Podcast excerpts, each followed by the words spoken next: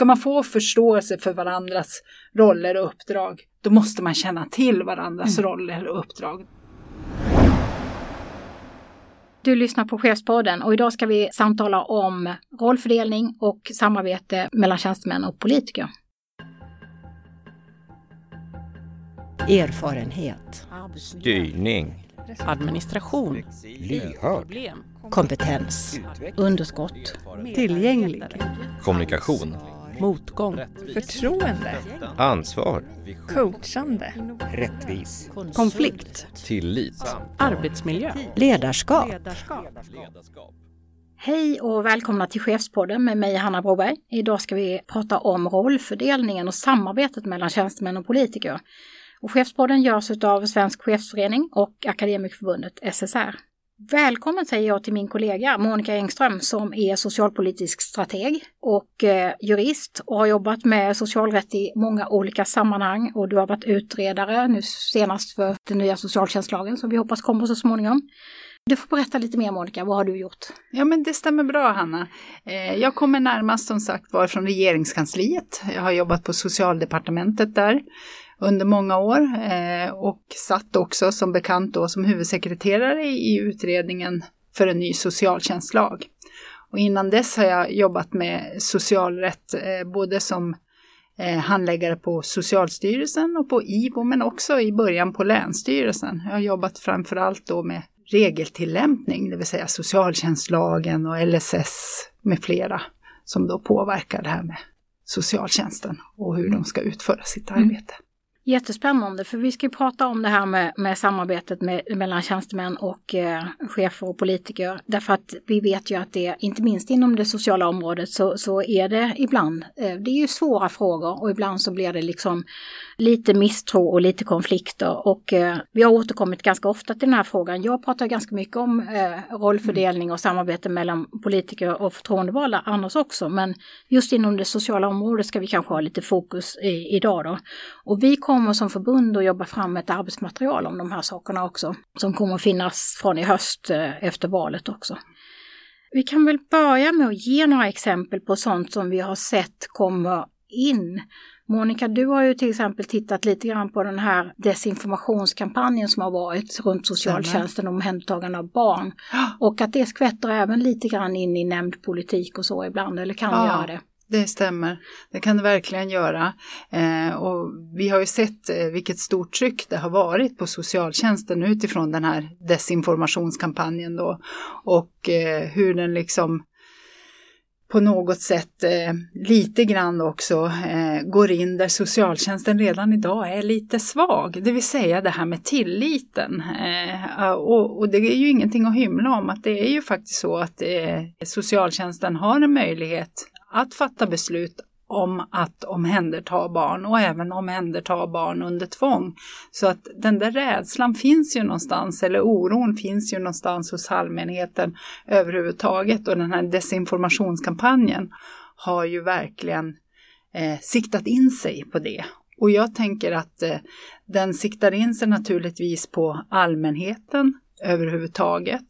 Men den siktar ju också in sig både på politiker och beslutsfattare. Kan man påverka och kan man på något sätt öka den här misstron till professionen och de beslut som professionen fattar, ja men då gör man det. Det är ju själva syftet med desinformationskampanjen.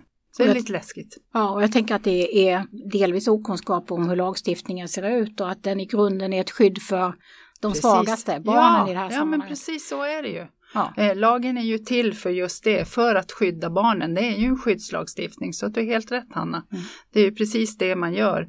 Och att, det är, eh, att vi har en profession som ska hantera de här ärendena och att vi har en lagstiftning, det handlar ju till syvende och sist inte om att på något sätt begå något övergrepp mot människor, utan om att skydda de som inte kan skydda sig själva, det vill mm. säga barnen. Mm. Och där finns det ju, jag vet i några av de exempel som vi har haft konflikter kring, att, att politiker har uttalat liksom en bild av att föräldrarollen är, är, viktig och att det är föräldrarnas möjlighet att bestämma och så vidare. Och att det är mm. föräldrarnas rätt ja. att vara föräldrar och så vidare som, som ibland liksom spökar i, i den här typen så av... stämmer. Fast man kan säga så här att eh, när socialtjänsten går in och tar den här typen av beslut och då eh, omhändertar ett barn, då hör vi oftast människor som ropar på eh, föräldrarätten och som säger att eh, besluten i sig går för långt och de är inne på ett område som de inte borde vara inne på. Men när det istället händer någonting, om vi tar som exempel ganska nyligen då, Lilla hjärtat-ärendet, ja men då ropar man på det andra, då säger man att professionen är vek och svag och att man inte har fattat beslut tillräckligt snabbt eller tillräckligt adekvat på något sätt. Och då är det det som är problemet, men det är ju som sagt var mycket mer komplicerat än så. Mm. Så synen på insats så tänker jag är en del av exemplen som vi, som vi får. Eh, man kan mm. också se att man kanske bor på en mindre ort. Man kan som förtroendevald vara granne med eller känna till någon, någon klient som, som eh, får insatser. Eh, någon medborgare som är berörd av socialtjänstens arbete.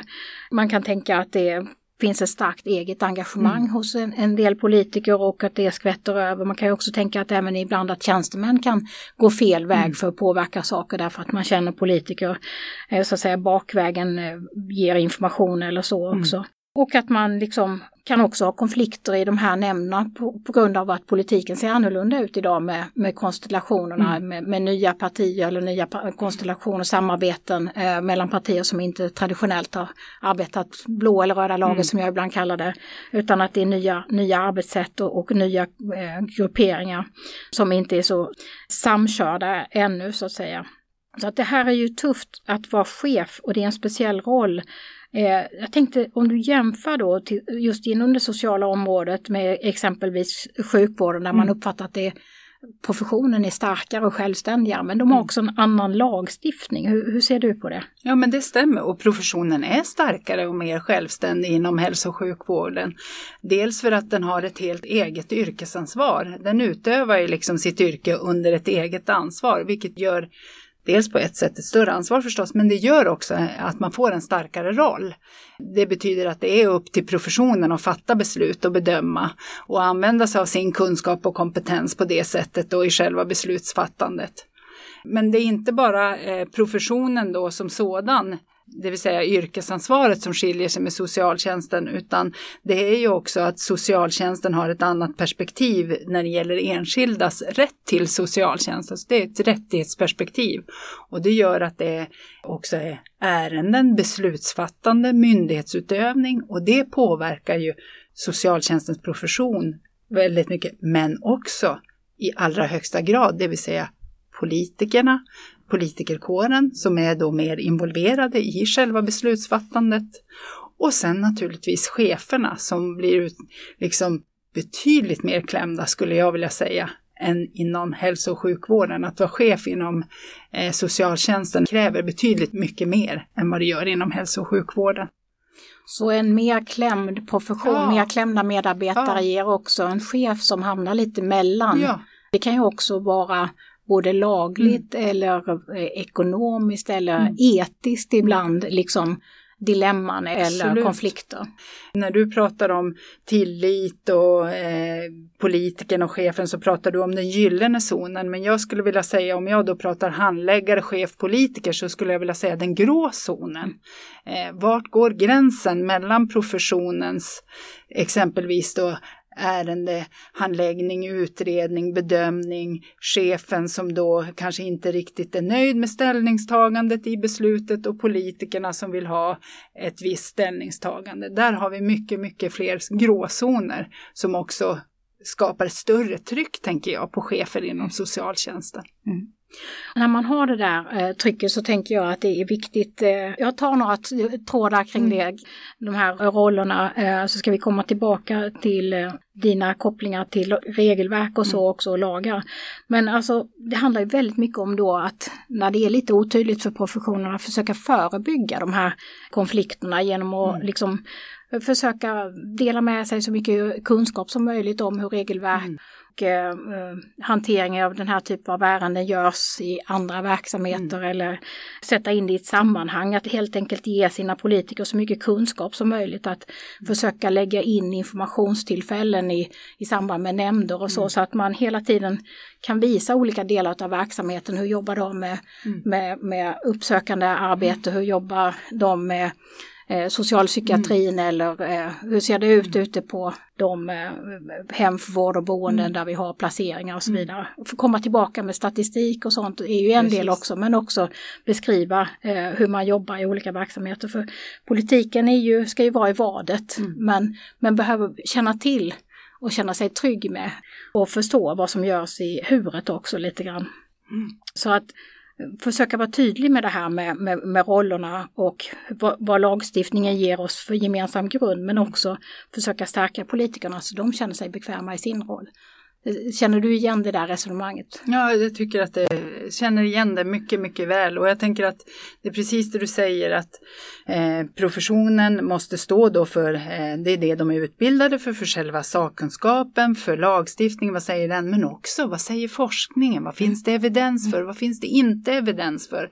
Eh, och, och där kan man ju tänka sig också att det är viktigt att ha inte bara diskussioner i det enskilda ärendet utan som du säger en pågående dialog och en pågående informationsutbyte kring de frågorna. För här handlar det kanske också många gånger om att ta beslut i riktlinjer eller annat där politikerna kan vara med och påverka.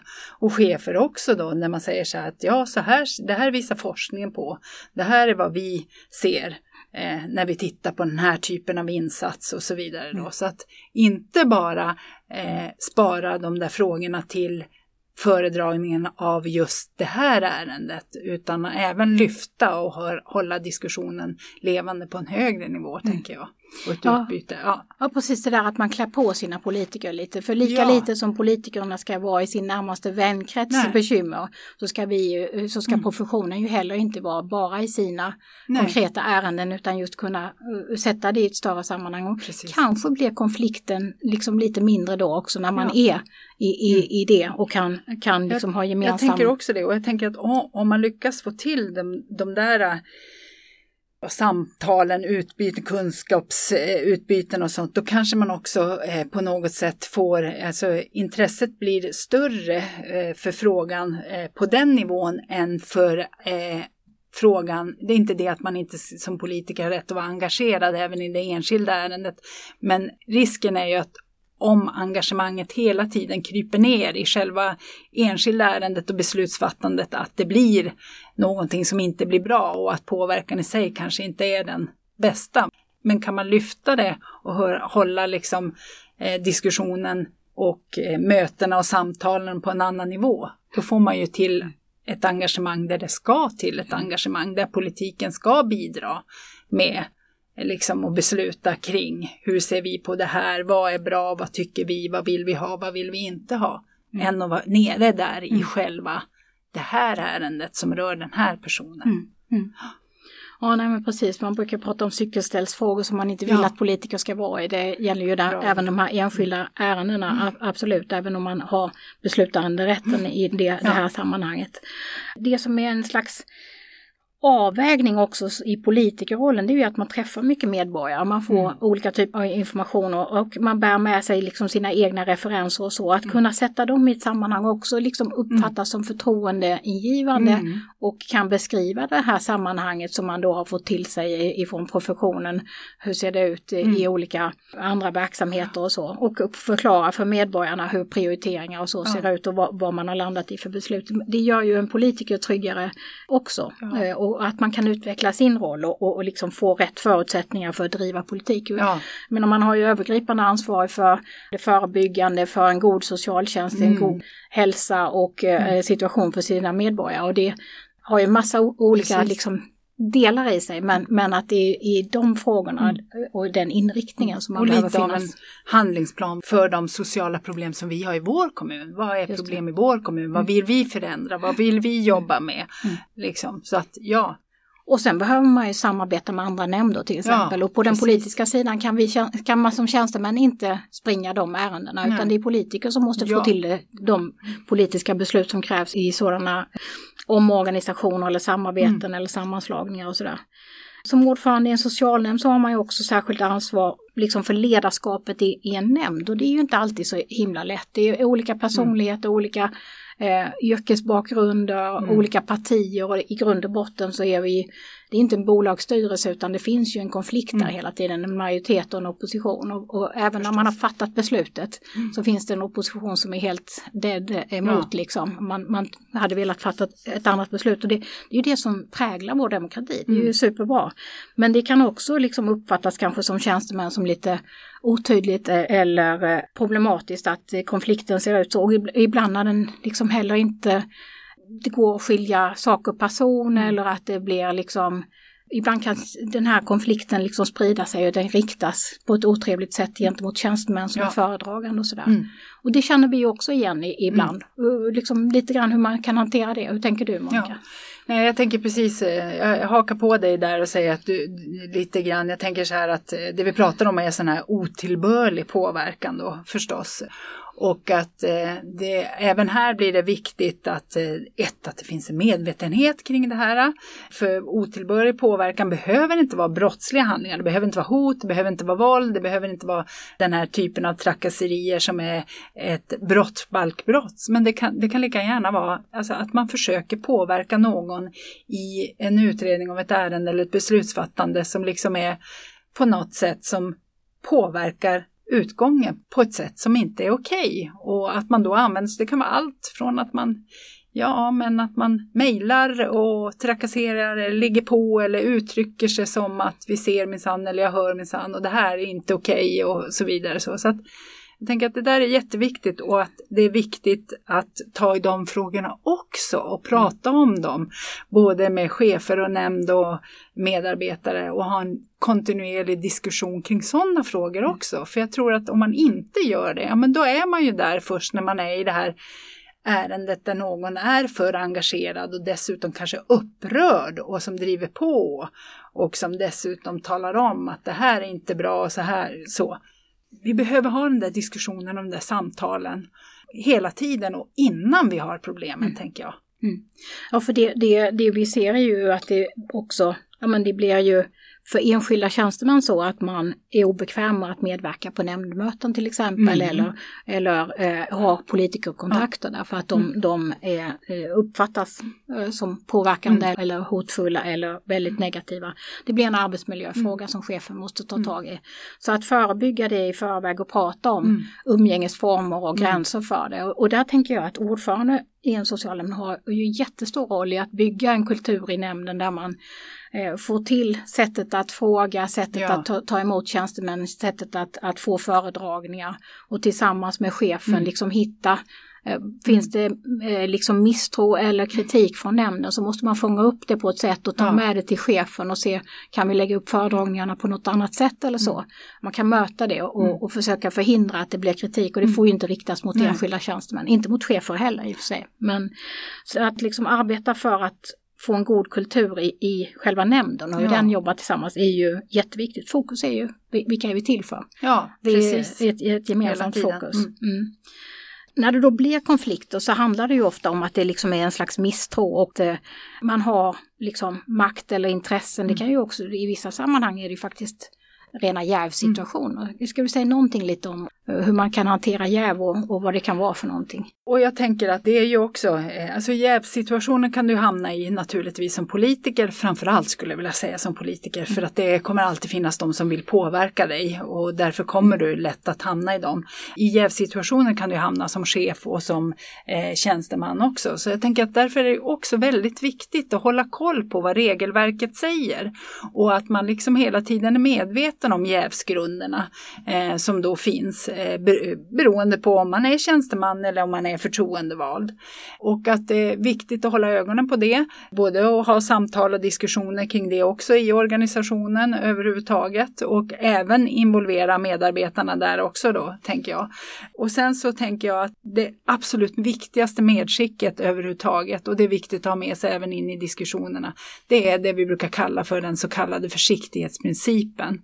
Det finns regler, men det finns en gråzon. Det finns alltid ett tolkningsutrymme. Men är det här verkligen jäv eller är det inte jäv? Men råder minsta lilla tvivel om eh, om man är jävig eller inte? Eller skulle det kunna vara och gynnas jag eller gynnas någon i min familj på något sätt? Kliv av, kliv ur och ha en dialog kring det också. Så här, vart går gränserna för oss?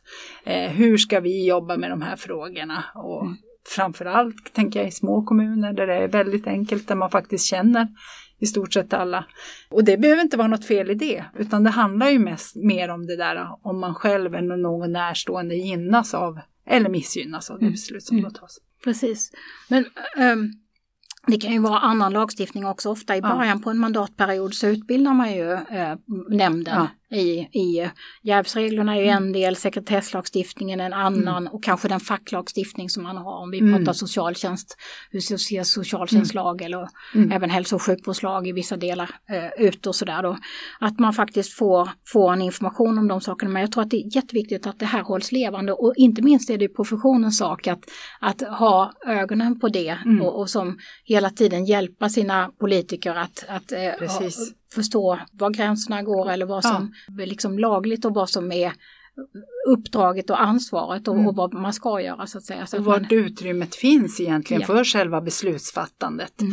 Finns det här tolkningsutrymmet? För det kan det handla mycket om när det gäller om insatser till enskilda eller så. Att du har regler som talar om hur du utreder ärendet och sen så ska du då fatta själva beslutet, det säga pröva det mot lagen då. Har den här personen rätt eller inte rätt i insatsen? Och det där är ju ingen eh, liksom eh, fast eh, ordning som är så här, ja eller nej, svart eller vitt, absolut, utan det är ju alltid en bedömning i det enskilda fallet. Och då blir det ju jätteviktigt, tänker jag, att visa på det eh, för politikerna. Liksom.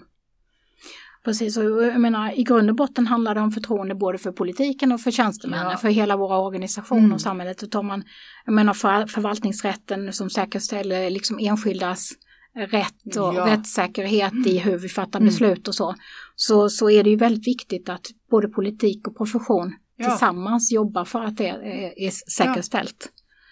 Och vi vet ju att politiken är en förtroendebransch och det handlar jättemycket om tillit till politiken. Men det är samma sak blir det även inom socialtjänsten, både för chefer och för eh, vad heter det, socialsekreterare, handläggare och så. Det handlar jättemycket om tillit för dem som man ska arbeta med, de enskilda.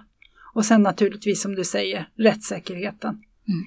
Nej men det som också är ett problem är ju att vi har både sociala medier där man kan liksom fota av eh, enskilda handläggares kontaktuppgifter eller ett beslut eller så, så sprids det liksom som en löpeld och kan innebära hot mot, mot tjänstemän men, men också eh, rena ja, desinformationskampanjer som du var inne på Mm. eh, lite tidigare.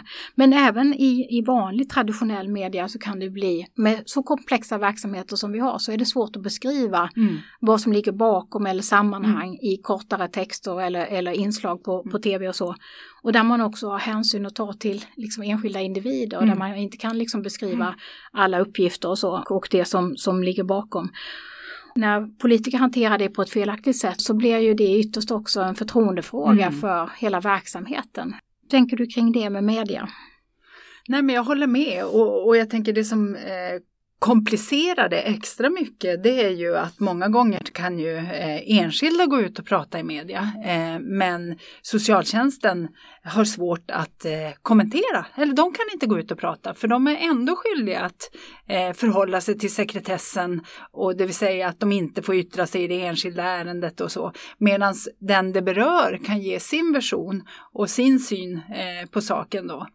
Så att det där är komplicerat och det är ju, blir ju också komplicerat då många gånger när det Eh, det blir den här rollfördelningen och politikerna kanske går ut och pratar och många gånger så ska politikerna också gå ut och stå till svars för där kommer ju ansvaret på politisk nivå in också, ska gå ut och stå till svars för någonting som de egentligen, dels är de bundna också av sekretessen men som de egentligen kanske inte heller riktigt kan eller behärskar till fullo för det är någon annan som har suttit i själva handläggningen av ärendet, beslutsfattandet under ärendets gång och så vidare. Och sen när det kommer då ner till ett slutet beslut, ja då är, då är det politikerna där då som ska stå till svars för det som är. Så att det här kan ju säkert öka på spänningen inom organisationen, både mellan chefer och politiker och eh, vad heter det, tjänstemän. Ja, precis. Ja. Det tror jag verkligen. Jag tänker att eh, utifrån detta så är ju liksom det här med att göra varandra bra, eh, det blir ju så tydligt i ett mediasammanhang och att, ja. att det finns en aktiv dialog. För att som tjänsteman kan man ju behöva stötta den politiker som ska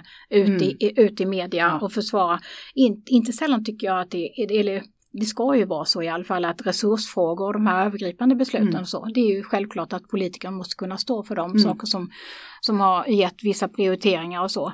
Eh, och sen kanske tjänstemän mera kring sakfrågor eller, mm. eller så. Men, men där kan man ju verkligen se det och det visar forskningen också att eh, är det obehagliga saker, saker som har hänt kring ett mm. boende eller så, då vill politiker sällan ta det, inte ens om det är en resursfråga Nej. i grund och botten, utan man skickar ut tjänstemän för att mm. ju närmare ett val det är så är det också svårare ja. att stå och få, mm. få eh, saker som skvätter på en så att säga. Så att det, här behöver man verkligen både göra sin politiker bra i media mm. men också ha gjort upp om vilken typ av saker man, man går ut. Precis. Vem som uttalar sig om vad. Så att mm. säga. Man kan också tänka att, att politiker inte vill ha tjänstemän ute i saker som är viktiga att synas i. Ja. Även om det borde vara mm. tjänstemän som, som syns och beskriver verksamheten. Och jag tänker precis det du är inne på nu Hanna, så himla viktigt att ha pratat om det här innan någonting händer. Innan du har det här ärendet, det stora ärendet i kommunen som får hela Sverige att rikta ögonen på just din kommun oj hjälp, nu är det någon form av känsligt eh, skandalliknande ärende eller något som liksom trycker och sätter ett sånt massivt tryck på hela socialtjänsten, på politiker, på chefer, på tjänstemän. Tänk att om man då redan innan har pratat om rollfördelning, vem tar vad, vem berat, hur liksom och så vidare. Så mycket vunnet man mm. har då istället för att sitta då i liksom realtid och bara eh, liksom bestämma vem som ska prata om vad och ja. så svajigt det blir. Liksom. Ja. Och, och inte offra varken politiker eller tjänstemän i, i, den där uh, turbulensen. Nej. Nej, utan att veta, veta vem som har vilken roll och, liksom en tillit mellan varandra mm. utifrån det.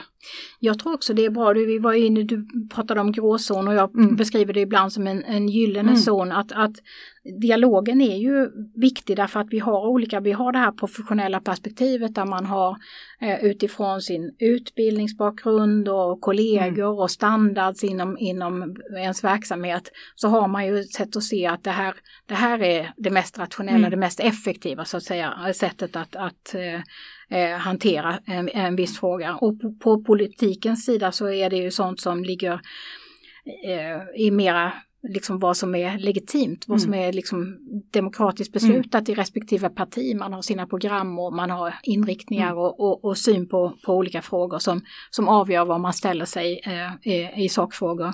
Och det där att, att liksom förstå att man har olika perspektiv men att man måste, man måste landa vissa saker mm. eh, utifrån de man är till för, mm. vilket uppdrag man har, mm. hur verksamhetens resurser ser ut och allt det där. Och har pratat igenom även de övergripande ja. sakerna tänker jag. Um, så vad och hur är ju viktigt och att eh, försöka hitta rollfördelningen utifrån lagstiftning men mm. också genom väldigt mycket en, en, en aktiv dialog tänker jag. Eh, för att det handlar om mycket att vi måste prioritera om. Det handlar mycket om att i komplexa verksamheter mm. så jobbar vi med andra mm. organisationer. Mandaten mm. kan vara otydliga. Vi har de här, jag säger resursfrågorna igen, hur ser de ut? Mm. Minskar de eller måste de mm. flyttas över till någon annan verksamhet? Nu har vi ett, ett nytt flyktingmottagande. Hur kommer det att se ut och påverka och hur får det påverka? Ja. Är det vissa verksamheter Precis. vi måste värna i det? Och titta på samarbete på något sätt så att vi får fram nya lösningar och sådär. Eh, så att det krävs liksom ett gemensamt arbete och samarbete mellan politiker och tjänstemän. Gärna förebyggande och liksom skapa någon mm. slags förutsägbarhet i det, i det som, som man ska arbeta med.